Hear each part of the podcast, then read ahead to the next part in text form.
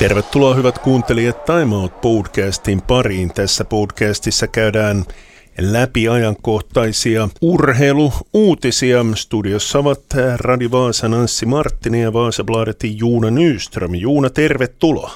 Tack ska du ha.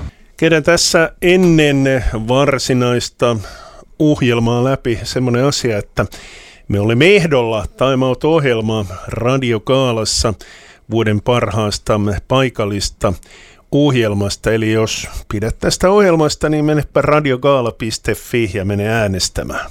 Absolut, det tycker jag allihop ska ta och göra. Joo, alltså radiogaala.fi.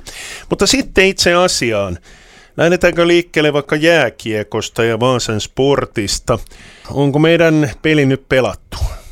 Knepigt i sig, mm. men nu fick man ju lite an det känslan nu då liksom det är bara en poäng mot Saipa i, i Vilmans strand förra veckan och sen det är klar 3-0. Nå okej, det var väl jämnare spelmässigt än så mot KK, men det kändes nog som att det, det kraschade där, men är de där poängen fortfarande skulle på något vis bli en sån här riktig Suonenveto lycka vecko det här med en massa poäng så kan det hastigt vända. Så inte kanske ännu riktigt den här veckan begraver vi, men nu är det nog riktigt, riktigt nära. Joo, tosiaan pisteerohan ei ole mikään suuri, olisiko se ollut kuusi pistettä sinne, sinne sääliplayeri paikalle, mutta toki tässä nyt tällä viikolla vastassa on Jukurit keskiviikkona. Ja. Ja sitten on lauantaina Ilves ja onko siinä välissäkin joku peli? Ja då är det klassiska som vi har pratat om så många gånger. Då ska de, då ska de till Lahtis på fredag och spela mot Pelicans och sen därifrån hem på hemmamatch på lördag. Och jag tror till och med var så att Ilves har inte ens match på fredag så att där har vi igen. 14. helmikuuta on toi Jukurit-peli. Jos siinä tulee tappio, niin uskotko, että sitten alkaa myyntihommat, koska eikö se ole 15. helmikuuta, kun menee toi siirtoaika umpeen? Det kan mycket väl hända att det blir så faktiskt då, om man tänker på hur bra Jukurit har varit. Det är ju det är kanske ligans mest hypade lag för tillfället så blir en jättetuff hemmamatch onsdag kväll och och här har ju varit en del snack nu. Vi hade till exempel i Vasabladet hade vi här en artikel att, att med Axel Holmströms agent där det var, var prat om att man ser efter, eller ser sig om efter alternativ så att det kan nog vara en väldigt bära eller brista match det här och sen ska ju allting hända på torsdag om det ska hända. Joo, mä luin, oikohan se Suomikiekko-sivusto tai joku sellainen, jossa Luulajan johdosta kerrottiin, että he metsästää hyökkääjää Suomesta. Ja, och då kan det gott och väl hända. Mm. det är ett bekant lag för oss som man ser på, för är ju här nästan alla svenskar.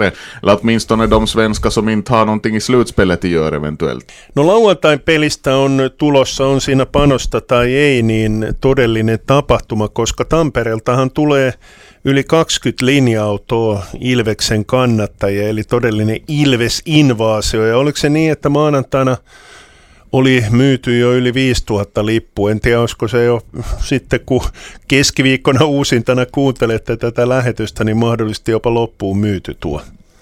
No he måste ju bli slutsålt nu mm. med tanke på att sådana här saker så brukar liksom bygga på sig själv och, och folk, folk börjar snacka om det och då vill man ha biljetter och komma och se på spektaklet med egna ögon så att över 5000 kommer att bli publikrekord och det blir nog ett häftigt evenemang om man tänker att du kommer till ha hela andra kortsidan så kommer det att vara full med Ilves-supportrar och då gäller det ju för Sundom stå till svar på ropet. Hei, puhutaan vielä näistä siirtouutisista. Nyt aika varmana on pidetty muun muassa sitä, että Rasmus Reijola siirtyy siis portista Keski-Eurooppaan pelaamaan ja sitten tilalle tulisi tutosta Jere Huhtamaa. Kuinka totuudenmukaisia nämä tiedot on? No, no känns det ju som att är väldigt sannolikt att en sån där sak stämmer. Och, och om det stämmer då så är väl ganska logiskt karriärsteg i så fall för Reijola. Han har ju fastnat väldigt tydligt i andra målvaktsrollen och kanske vill ha lite äventyr ännu. Innan han säkert då återvänder till ligan kan man tycka då. Om Jere Huhtama då, Toto-målvakten, så är det ju svårt i sig väldigt mycket. Att om jag minns rätt så såg jag honom stå i målet då Sport spelade Pizzi-turneringen. Då tror jag att han var med, men jag har som inte alls någon större bild av vad, vad är för typ av målvakt. Joo, ei mullakaan oikein käsitystä, että minkälainen maalivahti on kyseessä. Siirrytään hei sportista Leijoniin. Leijonat otti oon ollut hyvin skeptinen tähän Jukka Jalosen viimeiseen kauteen. On pelattu todella, todella huonosti.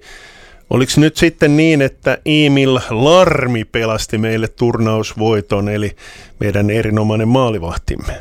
Absolut, att mot Schweiz och Tjeckien så var Finland bättre spelmässigt. Inga frågetecken där tycker jag, men mot Sverige så speciellt i tredje perioden så var ju i princip spel på ett mål och då var ju Emil Larmi helt otroligt bra och, och, och säkert finns det en ganska stor revanschlust hos honom för att som han också själv sa efter förra VM i Tammerfors så, så var inte en klockren insats av honom där och han skulle säkert vilja vara med i ett nytt VM och visa att han kan mycket bättre så det också i, i lejontröjan. Siinä hieman jääkiekkoasiaa, sitten siirrytään ihan lyhyesti hiihtoon. Tuolla oltiin tuolla Pohjois-Amerikassa hiihtämässä ja ehkä se suurin uutinen sieltä oli se, että ajanottolaitteet ei tullut paikalle, joten väliaikalähtö muuttui yhteislähdöksi. Tämähän oli ihan pelleilyä. Maailmankapista kuitenkin kyse. Ja man tycker ju att de skulle ha lite buffert där så de skulle få ordna i god tid, men, men nu blev inte så. Sitten täytyy puhua edelleen Iivo Niskasesta. Iivohan sanoi, että että hän nyt rakentelee kuntoaan kotimaassa eikä lähde tuonne Pohjois-Amerikkaan hiihtää. Sitten meni hiihtää piirimestaruuskisoihin, voitti kakkosen lähes neljällä minuutilla. niin, onko tossakaan nyt sitten mitään järkeä? Ja, inte vet jag riktigt vad han sysslar med där. Att, eh, man har det FN som vi redan pratat om som blev pannkakor för hans del och jag antar ju att han vill hopp tillbaka i världscupen då, då är det dags för Lahtis, det här klassiska, och ta, ta en vinst där sedan. Men, men det är fan upp och ner. Och ju, men det är ju tur att det går ganska bra för systern hans. Joo, Kerttu oli toinen, että Kertulla erinomaisia hiihtoja, mutta kyllä nyt kun on katsonut myöskin näitä nuorten hiihtoja, niin ei se kovin lupaavalta näytä. Muutamia hyviä hiihtäjiä, totta kai meillä on yhdistetyssä Minja Korhonen, eikö? Väl så joo. Joo, har toivottavasti hän otti kultaa. Siinähän oli erikoinen tapaus muuten siinä kultakisassa. Slovenian yhdistetty hiihtäjä otti varaslähdön ja hylättiin. Mä en tiedä, onko mä ikinä nähnyt hiihdossa niin tällaista tapausta, että varaslähdön takia hylätty. Jag kan nog inte komma på jag heller faktiskt. Jo. När, när skulle jag ha hänt? No, no, man, no, det är ju sprintarna har man ju mm. sett förstås, men det är ju en helt, helt annan sak. Hej, kuunnella... Vi måste ju kanske prata om Joni Mäki lite och så, Joo. såg du sprinten i, no, i Kanada? No mä en nähnyt sitä äh, Jonin sprintti. Nej, det var nog faktiskt märkligt. Han var, han var så bra igång och så var just den sprintbanan var ju lagad så att det var nedförsbacke och så lång spurt. Så ingen ville ju ner först för backan för de skulle så, så an, de här andra skulle få ta pesi då och kom förbi. Men Joni tajmade perfekt, men sen då det var 5-10 meter kvar så slog han av. Och tänkte att han skulle ta andra platsen och så var det två som blåste förbi och så var han ut i kvartsfinalet. Man, man såg nog på honom sedan han dök upp i TV-rutorna att, att, att, nu, nu, nu grämer nog, det var nog en mocka att, att där skulle till och med kanske finalplats varit mm. på gafflin. Time Out Podcast käynnissä studiossa ovat Radio Vaasan Anssi Marttinen ja Vaasabladetin Juuna Nyström. Liika Cup, Kups VPS, 5-0. Sä varmaan näit peli, mä en nähnyt. Jo, jag, jag såg matchen faktiskt. Ja, så, jag vet inte riktigt. Alltså, man får ju komma ihåg här, eller VPS får ju tröst med att, att ligacupen är ju som vi har sagt, är ju träningsmatcher i lite finare kostym, men No, det kom ett mål direkt i första anfallet, sen hastigt en frispark och så ännu en helt onödig straff drog de på sig. Så 22 minuter 3-0 och där var ju matchen slut. Att sen i andra halvlek ännu två mål på kontringar, där spelar VPS lite bättre men det syntes ju nog att, att laget är inte riktigt intakt. De har bort backar, det märks i försvaret. Uh, en spelare som Jevgenij Bashkirov så vinterformen är inte hemskt bra där, ganska osynlig och, och så där. Och så dessutom som det visade sig då jag pratade med tränaren Jussi Nuorela efter matchen så spelade den här testanfallaren Madou Kamara halvskadad den här matchen så han gick av redan i paus. No onko hänestä kuulunut nyt mitään uutta, että tehdäänkö hänen kanssaan sopimusta? Sä olit kirjoittanut ainakin Vaasabladettiin, että hän oli niitä harvoja, jotka väläytteli kuitenkin osaamista. Ja, han hade en jättefin passning som gav Teemu Hytönen friläge, men Kupsar en ganska bra målvakt i Johannes Kreidel. Så att ja, he, he, hette väl nog att det skulle tas ett beslut och sen ännu i slutet av förra veckan och, och vi kontaktade nog sportchef Petri Vuorinen igår men vi fick inte ännu något besked igår men kanske idag nu här på tisdag ska vi få mm. ett besked. Pitäisikö meidän ruveta katsoa Websun sivuja, ettei siellä lue, että sopimus on tehty. Hei, pitääkö Juuna meidän huolestua? Mähän on koko ajan sanonut, että Kausi lähestyy, kausi lähestyy kovaa vauhtia. Ei tästä taida olla enää kuin vajaa kaksi kuukautta kauden alkuun, niin niin, niin. Tietysti sinne on tulossa pelaajia. Onko muuten kuulunut uutta Valensiasta? Ehtiikö hän ennen kauden alkua? Nähän ska anlända den här veckan. No så niin. att, och då också så skulle Martti Haukio ja det här andra nyförvärvet återflyttaren, han har ju spelat här förr så skulle vara i spelskick den här veckan. Så att då börjar ju backlinjen fallbitarna på plats där så vi får ju se. Men Ej nog, man ska inte dra så stora slutsatser på ligacupen men nog samtidigt så för varenda dag som går så växer ju betydelsen av att de träffar rätt med de här värvningarna nu. För ju senare de kommer in så betyder det att de ska spelas in i laget och då, då är det säsongstarten då plötsligt väldigt nära. Joo, lauantaina on sitten seuraava liikakapiottelu ja Vastassa on AC Oulu, eli sen jälkeen voidaan jälleen taas vähän pohtia enemmän, että missä VPS menee. Onko menossa kattoon peliä? Du, jag tror nog jag far på, på, på det här hockeymatchen jag mm. ser på Ilves invasio. Så mm. det, det blir så häftigt evenemanget denna, så man, man får nog prioritera. Joo, sitten lyhyesti vielä tuosta Nation Leagueista, eli arvonta suoritettiin Englanti, Irlanti, Kreikka, Suomi samassa lohkossa. Aika kova lohko. Mielenkiintoisia pelejä, varsinkin kun Englanti tuli vasta. Ja, faktiskt en jätte, jätterolig grupp skulle Finland har ju spelat ofta bra till exempel mot Grekland och i förra Nations League så blev det väl två segrar mot Irland.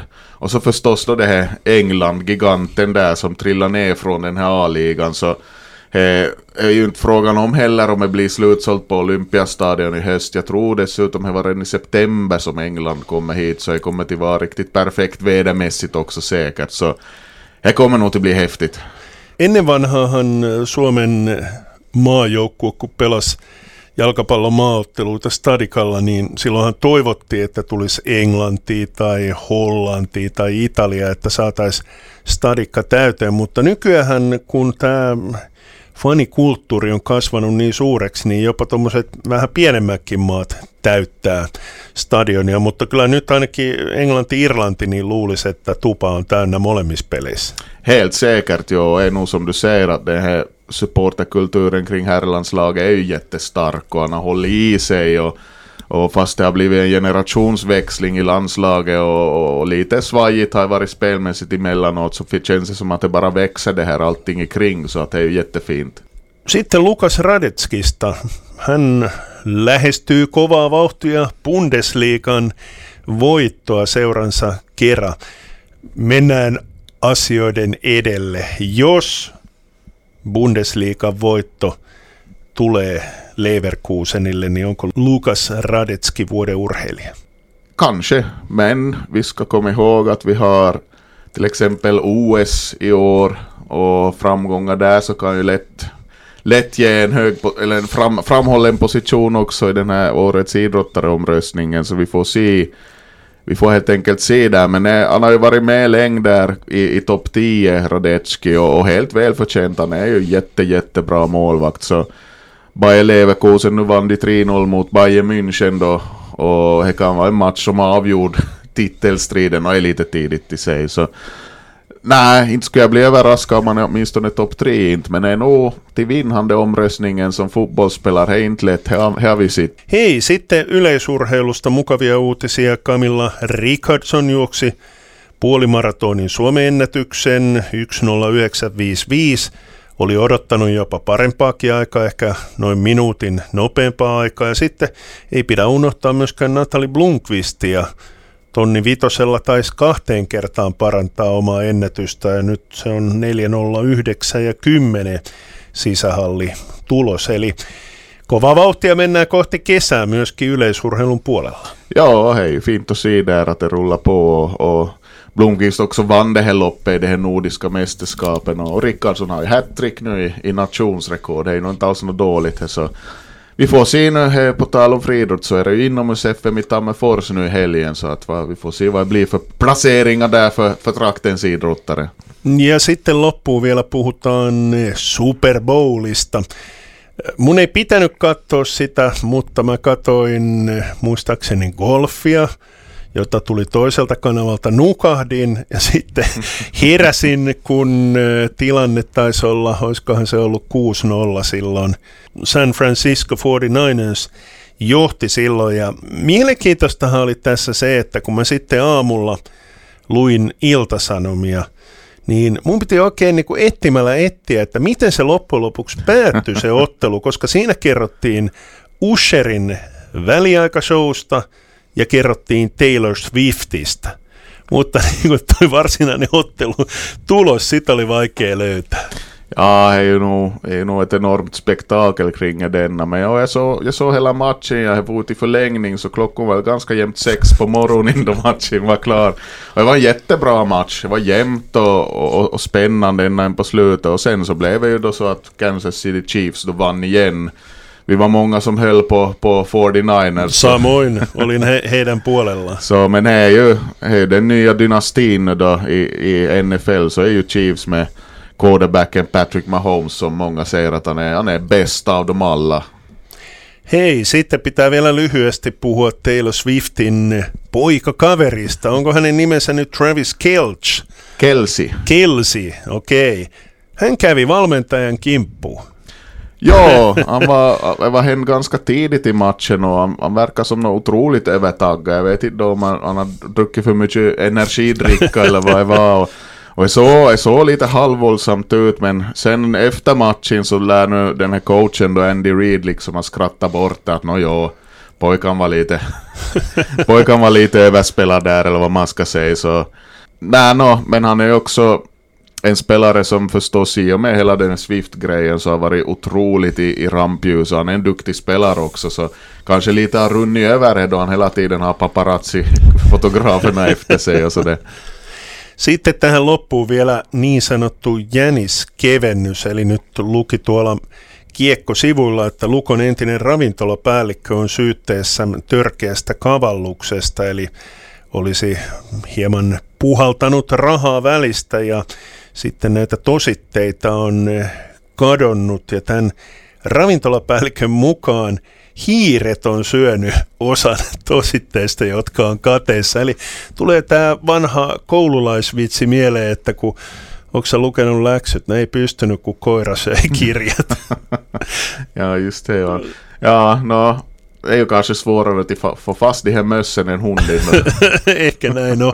Hei, onko sulla vielä jotain tähän loppuun mielessä? No, jag tycker vi har väl nog gått igenom det mesta. Att det är väldigt liva veckor det händer med all hockey och fotboll och, och inomhus FM i friidrott. Vi har junior-FM på skidor i Lieksa tror jag, va? så det händer allt möjligt. Joo, ja niistä asioista, mitä tällä viikolla tapahtuu, niin niistä varmasti puhumme ensi viikon Time Out podcastissa. Studiossa ovat olleet Radio Vaasan Anssi Marttinen ja Vaasabladetin Juuna Nyström. Juuna, kiitoksia. Tack, tack.